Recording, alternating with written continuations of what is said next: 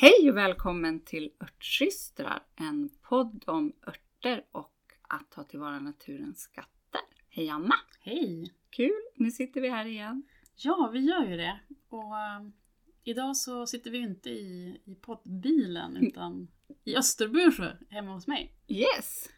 Idag tänkte vi prata om svamp. Ja. Ja, på förekommande anledning.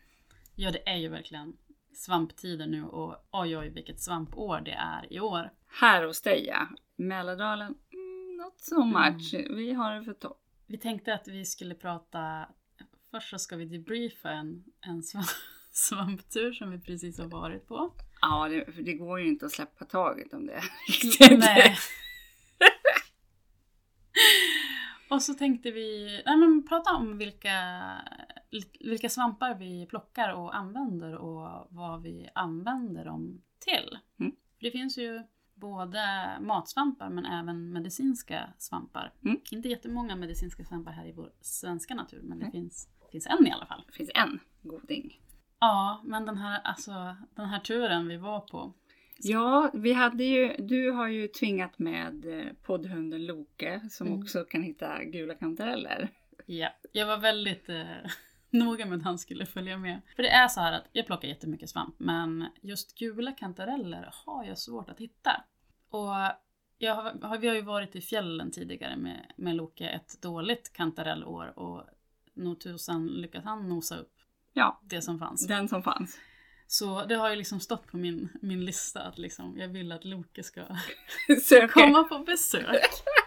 söka igenom närområdet. Så ja, ni hann väl inte mer än hit innan vi drog ut? Vi hann få lite kaffe. Ja. Ja, sen pang. Och då gjorde vi min, faktiskt min favoritgrej nu på hösten att eh, vi packade skogslunch. Mm. Så att istället för att sitta inne och klippa på mobilen på luncherna så brukar jag ha en matlåda redo och stoppa ner den i väskan och dra ut eh, en timme på lunchen och ladda batterierna och eh, ja, men kanske hitta lite svamp. Mm. Det var ju utfallet var ju, var ju lite, alltså jag hade ju tänkt att, eller jag hade, jag hade, ju, hade ju en förhoppning om att vi skulle hitta svamp. Eller jag visste ju att vi kommer ju hitta någonting eftersom Loke var med. Vad var det som hände Maria? Ja, vad var det som hände? Loke hittade inte så jättemycket svampar. För att det fanns inga där vi just var. Men när vi skulle åka iväg från skogen så körde vi sakta på en skogsväg. Ja, men först måste vi ju berätta vad som, de svampar som vi hittade. De hittade ju jag. Exakt! Det var ju det som var så, så himla märkligt. Att Du snubblar ju i princip över dem. ja, liksom hela, och så, jag var ju ändå helt nöjd med mina mått mätt. Med tio kantareller. Nej men alltså, vi, vi, vi enades ju ändå om att det kanske var 200-300 gram. Ja, det hade jag om. Så en, en liten mängd kantareller. Så jag tyckte ändå att ja, men, vi hade ändå hittat på det här området där jag på förhand visste att det skulle finnas, men jag aldrig brukar hitta själv. Eh, så jag var ju väldigt nöjd. Men sen så skulle vi fara och vända bilen. Ja, och då sitter du och gluttar ut genom fönstret och bara skriker Är inte det där kantareller? Precis! Och så backar vi tillbaka, klättrar över en diket, eh, in i en skog som Alltså det var, ja men det var ju så här perfekta förhållanden, lite så här blandskog, väldigt gles. Den var gallrad för många år sedan tror jag. Såg vi, först i slänten upp, alltså dikeskanten upp mot där skogen började. Det var det jag såg. Flera stora gula, eh, vad kallar du dem för? Herr kantarell. Herr Kantarell, alltså det var pappa Kantarell. och bara det vi såg först var ju var Mycket. Ju mycket. Men sen så liksom lyfte vi på riset och det var ju liksom bara mer och mer och mer och Och mer. Och, Och, ännu mer. Och det här, det här var ju jätte... Ja, men det var ju kul på så många sätt. Dels att liksom, vi hittade svamp, men också att, att det hela tiden var jag som hittade svampen. Mm. Eh, trots min enorma tilltro till, eh, till Loke. Eh, så för mig blev ju det här, det var ju riktigt så här: wow. Men även för dig, så det, det här, det var ju liksom inte bara att det var mycket för att jag har så låga förväntningar. Utan, Nej, det var mycket för att det var mycket. Ja, så vi, vi plockade ja, men två ganska stora korgar. Två Inte- 10 liters korgar. Ja, inte smäckfulla men, men nästintill. Det är ju så fascinerande och det jag tänker med det här är att visar hur viktigt inställningen är när man plockar svamp. Ja, helt klart. Och att du var lite... Du har ju sänt ut den här önskan Mm. om kantareller så tydligt. Eh, så att eh, universum hade inget annat val än att ge dig. Ja, och så, sen så tror jag att jag var så himla säker på eh, att vi skulle hitta svamp. Så att jag gick inte in i det här som man lätt gör. Att, ah, men jag hittade, ah, nu, är vi ut, nu är jag ute igen och det är ändå ingen, varför är jag ens ute och letar? Ingen vits för jag Ja, hittar just ändå aldrig någonting.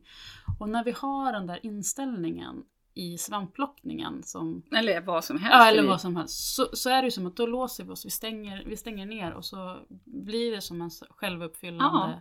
Då attraherar man ju den energin. Mm. Alltså, man matar den energin som man inte vill. Nämligen. Så det är så det blir. Mm. Ja. Eh, och nu hade du liksom, du var säker på att Loke skulle se till att svamp skulle vi få. Mm. Och då bara öppnade du upp och så bara tjong! Så var det svamp där. Så nu har vi ju lite kvällsjobb eh, framför oss. Ja. Att eh, ta reda på det här. Trivsamt jobb. Ja. Och vi har ju lite barnahänder som Ja. kan hjälpa till. ja, men jag tycker att eh, det var ett fint exempel på attraktionslag. Mm. Mm. Ja men verkligen. Och särskilt när det gäller, gäller svamp. Så för dig som lyssnar på det här och inte heller hittar kantareller. Så det, bitvis så låter det ju lite skrytigt. Men saken är den att jag, jag brukar verkligen aldrig hitta kantareller. Så nästa gång du letar, försök testa liksom att ha det där. Ändra mindset och, och, och liksom gå ut i skogen. Och med- jag kommer att hitta. Ja, Men alltså skrytet tycker inte jag för att den glädjen är ju verkligen äkta. Du, ja, du är ju lycklig på riktigt nu. Så att det kan man väl få vara. Ja. Men vi tänkte också att vi skulle prata lite mer allmänt om, om svampar. För även om jag just jag har, har haft en hänga på gula så plockar jag ganska mycket annat, annan svamp. Men du plockar ju nästan ännu mer. Så Ja, jag eh, plockar gula för att jag lärde min hund att hitta dem. Men jag tycker egentligen att det finns andra svampar som jag uppskattar mer. ja, Karljohanssvamp är en sån svamp. För mig är den kungen Mm. bland svamparna. Och eh, vanliga trattkantareller, höstkantareller tycker jag också är väldigt goda. Och även de här med svarta, svart trumpetsvamp och brandgul trumpetsvamp älskar jag också. de är ju magiska. De plockade jag förr när jag bodde i Strömstad. Då hade jag några sådana Mm. ställen med både, både och. Jag håller helt med om både karljohan och, och trattkantarell. Och det jag gillar med dem är ju att man kan torka dem Mm. och att de, de håller så länge. Och så att det är sådana svampar. Jag menar trattisar finns det ju alltid massor av nästan vartenda år. Ja, och nästan var som helst. Ja, om man bara... Och där är det ju verkligen att man måste... Får inte vara stressad och slappna av i blicken. För att de har ju... De är lite luriga att se eftersom de är ganska mörka. Ja, men hittar du en så hittar du fler. Ja. Där finns det väl också lite läge att eh, utbringa en liten varning. Mm. Att Sveriges giftigaste svamp växer där trattkantareller växer och Mm. gärna mitt bland dem. Mm. Att man ska lära sig att se skillnad på den. Precis. Och hur ser man skillnad? Den är... Eh, en trattkantarell har en gul, väldigt orange, gult eller gul, gult skaft och är som en tratt med brun eh, med skivor under. Och den här är mer som en toppsvamp. Den har också skivor under men stammen är också brun. Eh, den heter toppig giftspindelskivling. Ja. Jag tycker att man kan se skillnad också på själva skivorna. Ja, det kan du. För att kantarellen... Eh, trattkantarellen har ju liksom de här karaktäristiska kantarellskivorna som är inte som tunna, tunna, tunna blad utan de är mer som ådringar. Eller de är liksom lite... Ja, men varje år så, in, så infaller det ju, händer det olyckor med någon plockar trattisar och får med sig en sån där. Så Mm. det gäller bara att kolla upp hur den ser ut så du kan se skillnad när man Mm. går ut. Jag tycker det är viktigt. Den är jättegiftig. Och det jag brukar också göra efteråt, eftersom jag plockar med, med barn, men barnen är jätteduktiga på att plocka svamp, nästan bättre än mig ibland. Eh, det är att sen efteråt när jag sitter och rensar dem så ser jag till att gå igenom varenda svamp och Ja. dela på den. Eh, det vill man ju ändå göra för att se att det inte är några svampägg i dem. Men då, då tittar man verkligen på varje, varje svamp Ja. så att man ser. Det är om man plockar mycket och det går fort. Därför Ja. att du känner en sån otrolig konsistensskillnad och, på svamparna Mm. I, i fingrarna och du ser. Mm. Men om man är, ja, tycker ändå det är värt att Mm. nämna. Och särskilt, särskilt om man är ovan. Exakt. Och Karl Johan är ju inte den är ju så rolig för den är som, vissa år finns det ju jättemycket. Mm, som Och då- förra året. Ja, och då, det är ju så galet roligt liksom. Ja, det var Kalion Bonanza Mm. förra året. Jag vet inte hur mycket jag plockade. Alltså det var sån... Då blev jag nästan lika knäpp som du blev idag. Och, de, och det är ju så himla bra när man torkar någonting och särskilt svampar har ju lite längre hållbarhet än till exempel eh, örter. Mm. Så att de, de, jag menar förra Karl året som var, det var 2018. 2018. Och jag vet att jag hade kvar av det förra året 2021 och det var fortfarande jättefint. Och jag tror även att jag hade kvar i många år från årgången innan som jag tror var 2014. Ja, det kan stämma. Eh, då vi plockade ännu, ännu mer. Och den höll sig också liksom helt okej i över fem år. Liksom. Ja, jag tycker också att eh, står de bara lite mörkt så, så håller de torkade hur länge som helst. Mm. Mhm. Andra svampar då? Andra svampar, eh, då har vi en som vi plockar fårticka. Mm. Den, den har jag så speciellt förhållande till. För den har jag plockat ända sedan jag var liten. För att när jag gick på mellanstadiet så kom det en så svamptant och tog med oss ut i skogen och så fick vi lära oss att plocka svamp. Alltså det, är så här, det känns lite så galet, något som inte skulle hända Idag? Idag? Nej. Och jag minns hur vi liksom, sen liksom efter det, för då fick vi ju lära oss att hitta bland annat fårticka. Eh, och, det var, ju- och så fick vi testa att steka den och smaka eh, Mm. stekt fårticka som faktiskt är, jag menar det är inte världens, den mest amazing svamp, men den är ändå liksom som en god vardagssvamp liksom. Ja. Så jag minns hur vi liksom brukade ja, svänga inom skogen på väg hem från skolan. Och så, så här, ställa oss och steka till mellis på lite knäckebröd. Oj! Eh, jätte, jättegott. Mm. Du hade ju ett annat tips med fårticka som jag tyckte var ett bön. Ja, för att det, grejen med fårticka, de, det är ju, den är en bra nybörjarsvamp och det var väl därför svamptanten lärde oss den. Ja. För att det går inte att förväxla den med någonting. Och sen så kan de ju bli väldigt, väldigt stora också. Jag, eh, när jag hittar så här tok mycket, då brukar jag eh, riva den grovt och sen så har jag ner den i, i köttfärssås som liksom för att dryga ut. Och jag har, något år har jag också gjort att jag bara har gjort en helt vegetarisk Bolognese. inte kött, bolognese. Med bara fårticka som köttsubstitut. Ja. Som jag minns det så märkte barnen inte ens det Nej. när, vi, när jag serverade den. Ja. Jag tycker också att den är god att, att steka lite som eh, halloumi skulle jag Mm. säga. Mm. Vi diskuterade ju det i skogen. När du sa halloumi så, så här, tänkte jag vidare och, och liksom funderade på undrar hur det blir om man panerar den. Borde bli hur gott som helst. Ja, jag tror det. Vi får hålla utkik efter det. Mm. Kanske kan bli någonting till morgondagens Ja. mat. En annan svamp som jag tycker är lite kul är blomkålssvamp. Ja, vad är det för något? Eh, blomkålssvamp är en svamp som växer i symbios med tall. Den ser eh, väldigt speciell ut. Som ett flikigt blomkålshuvudaktigt. Mhm. Den friterar jag och den har en liten smak av tall. Jaha. Eh, jättecool, jättegod. Inte, det tyckte inte mina barn. För liksom, men jag tycker den ser Lite för skogig kanske. Ja, lite för skogig. Men är den svår att hitta eller? Om du hittar den så ser du direkt att du har hittat den. Ja. Men ja, det skulle jag nog säga. Den växer gärna på liksom alltså gammal tallved. Mm. Eh, Så jag har hittat det på hyggen, på Mm. tallstubbar. Okej, för jag brukar försöka liksom eh, lära mig en ny svamp varje år. Ja, då är blomkålssvampen. Ja, det är kanske är den. Den kommer lite senare Mm. och det är en mardröm att rensa. Mhm. För den är ju liksom som, Som ett, en blomkål ja. som ett fladder. Ja. Och i det så är det barr och krispar och grejer. Oh my god. Men det är värt Det är värt det. Mm. Ja, skulle jag säga att eh, fritera den is the way to go. Gott. En av mina favoriter, förutom de uppenbara, tre, är taggsvamp.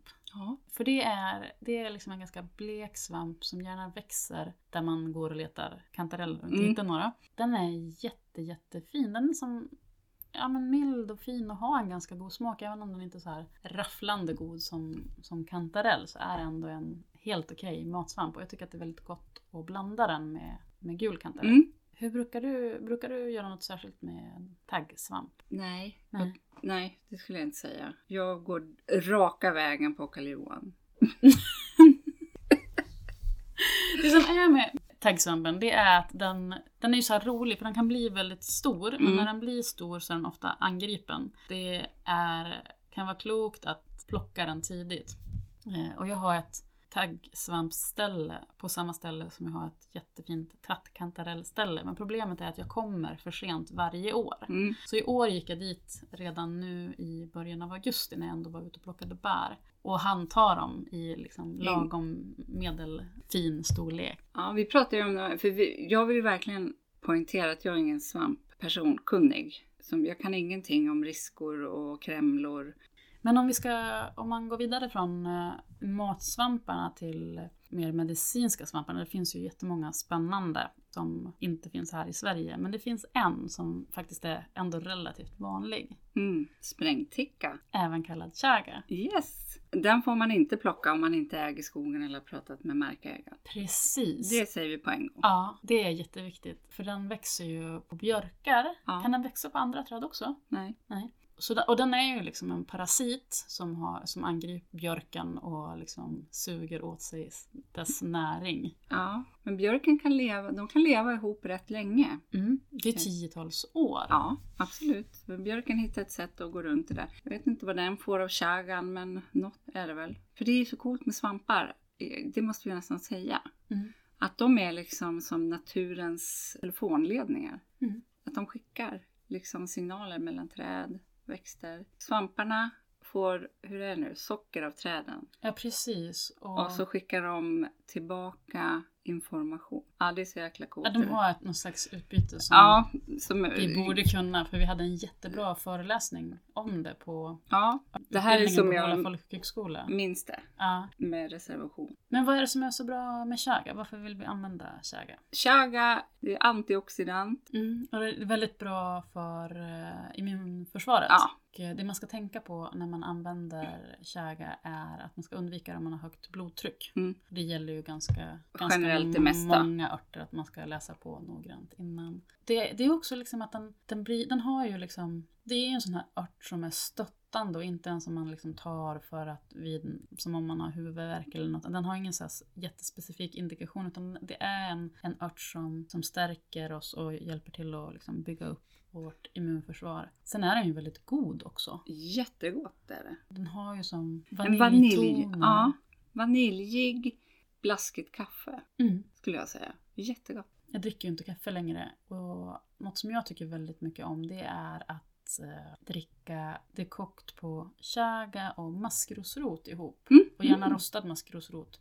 Det blir en väldigt god kombo. Men jag dricker ju inte som ett kaffesubstitut eftersom jag, jag dricker ju inte kaffe längre. Och det är det jag tycker med, som jag tycker är viktigt att ha med sig att när man pratar om både maskrosrot och chaga som ett kaffealternativ att det är nästan lite orättvist att liksom se dem så för att då Ja, det är inte rätt. för, för, för kaffe är kaffe och det går liksom inte riktigt att ersätta med någonting. Men de är väldigt goda och mustiga och smakrika i sin egen rätt. Ja, nej jag skulle inte vilja säga det här istället för kaffe utan de här står så bra på egna ben. Mm. Alltså chagan. Jag tycker det var ganska roligt. Min eh, man är ibland lite skeptisk sådär och behöver validering från annat håll.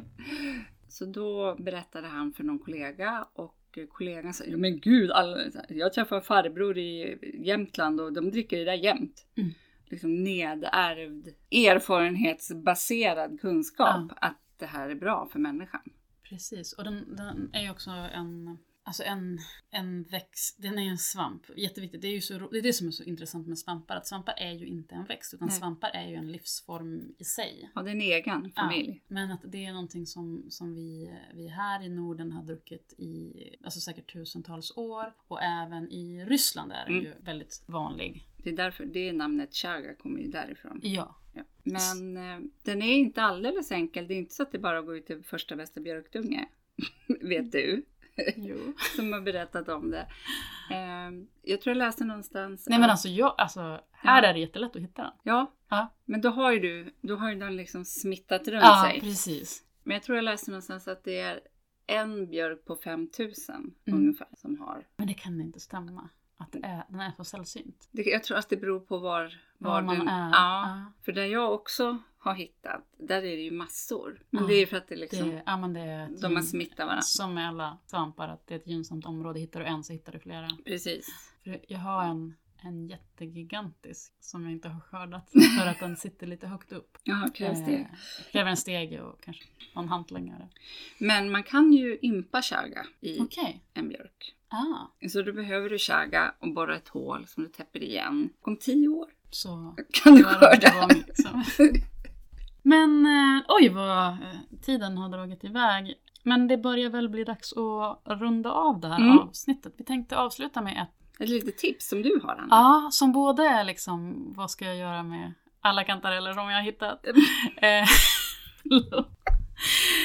alltså vi, vi spelade ju nyligen in squash-avsnittet. Ja. Eh, men det är ju lite, nästan lite sån känsla nu, herregud vad ska vi göra av allt?